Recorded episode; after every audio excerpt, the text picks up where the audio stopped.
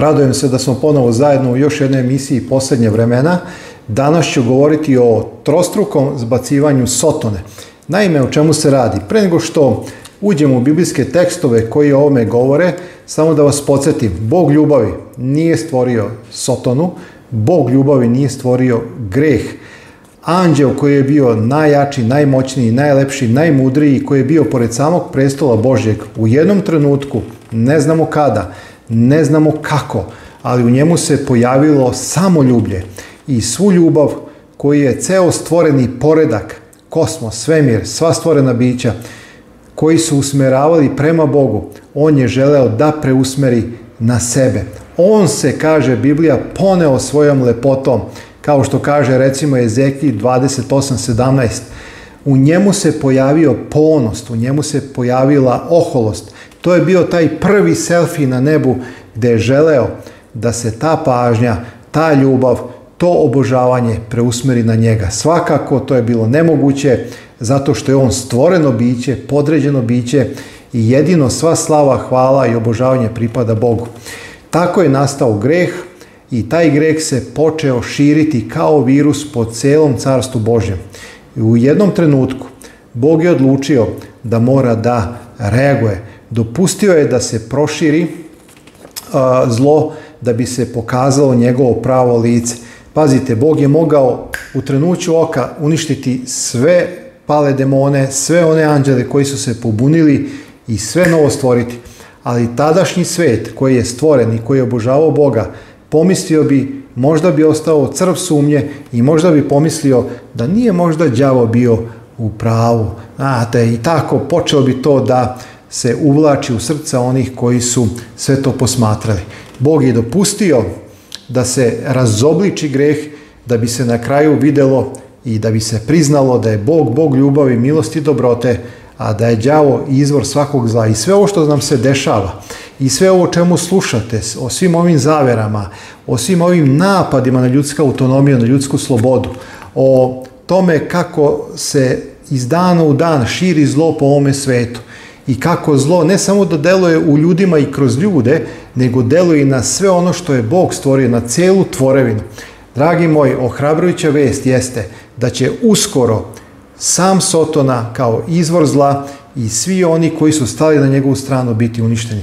Bog će obnoviti svoje carstvo, gde neće više biti ni smrti, ni bolesti, ni plača, jer prvo prođe, kaže knjiga Otkrivenje, 21. poglavlje. Naime, hajde da iznesem ta tri momenta o kome govori Biblija, o tom postepenom zbacivanju Sotone do njegovog konačnog uništenja. Prvo zbacivanje Sotone dogodilo se posle njegove pobude na nebu i ono je opisano u knjizi proroka Isaije 14. pogled 12. stih. Kako pade sa neba zvezdo Danice, kćeri Zorina, kako se obori na zemlju koji si gazio narode, a govorio si u srcu svom, izaći ću na nebo, više zvezda Božih podignuću presto svoj i sešću na gori zbornoj, na strani severnoj. Izići ću u visine nad oblake, izjednačit ću se sa višnjim. I zaista ovo je istinita konotacija, jer da bi đavo mogao da primi obožavanje koje je pripadalo Bogu, on je morao da se uzvisi iznad Božeg prestola, da bude veći od Boga ili da se na kraju s njim izjednači što je svakako bilo bolesno e, nemoguća misija, mi bismo rekli. Pa zato što je đavo jedno obično, obično stvoreno biće, malo veće od čoveka, ali i dalje stvoreno biće. Sva slava, sva hvala, svo obožavanje usmjereno prema Bogu koji je večan, koji ne može da se objasni, koji ne može da razume, koji ne može da se razume, zato mu se i divimo što ga ne razumemo i tu je veličina Božja. I Bog će biti taj koji će uvek zasluživati naše obožavanje. A to ne treba da bude usmereno ni na jedno stvoreno biće. Jer ako se naše obožavanje, naše slavljenje usmeri na neko biće koje je stvoreno, to je greh i to je idolopoklonstvo, a to je u korenu luciferske arogancije.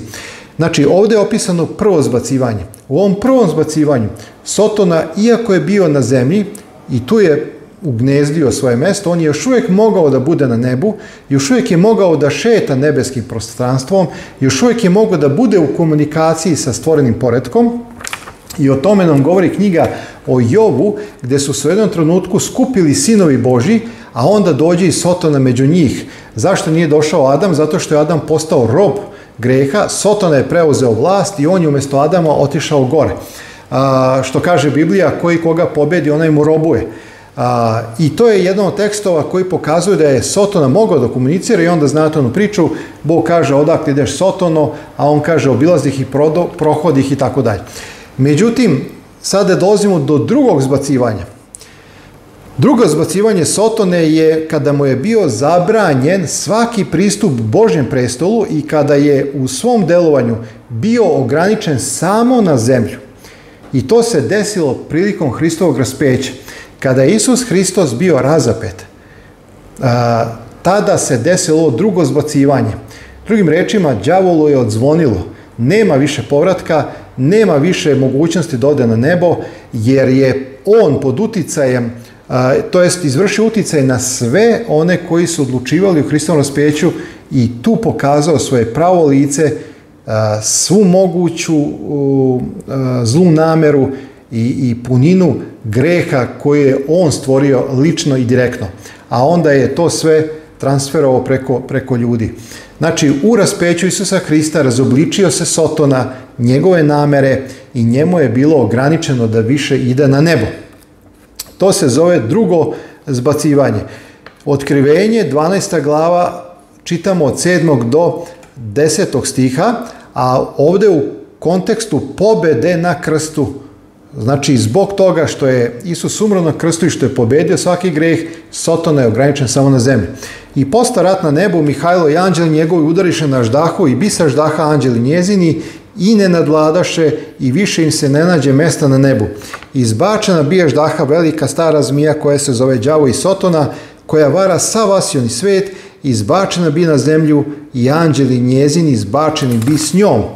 I ču glas veliki na nebu gde govori sad posta spasenje i sila i carstvo Boga našega i oblast Krista njegovog, jer se zbacio padač braće naše koji ih obadaše pred Bogom našim dan i noć. Znači sad posta spasenje, kad?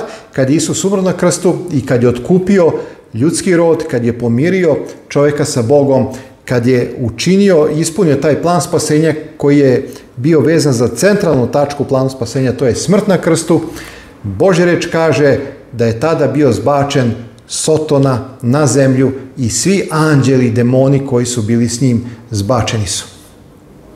11. stih, stih sada neću čitati jer u sledećoj emisiji kazat ću i govorit ću o tome koje je jedino i najmoćnije oružje u borbi protiv Sotone koji je na zemlji i koji nas napada.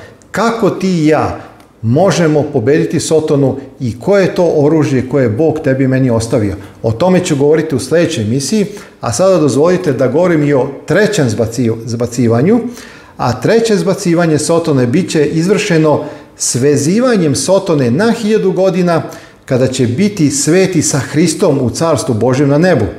To je zapisano u otkrivenju 20. glavi od 1. do 3. stiha. Posle godišnjeg carstva – Sotona će biti konačno uništen, a to je zapisano u istoj glavi, ali u devetom i u desetom stihu. Time će zauvek biti završena istorija pobune, greha i svega ostalog. Znači, Treće zbacivanje vezano je za svezivanje Sotone na 1000 godina. Šta to znači da je on svezan 1000 godina?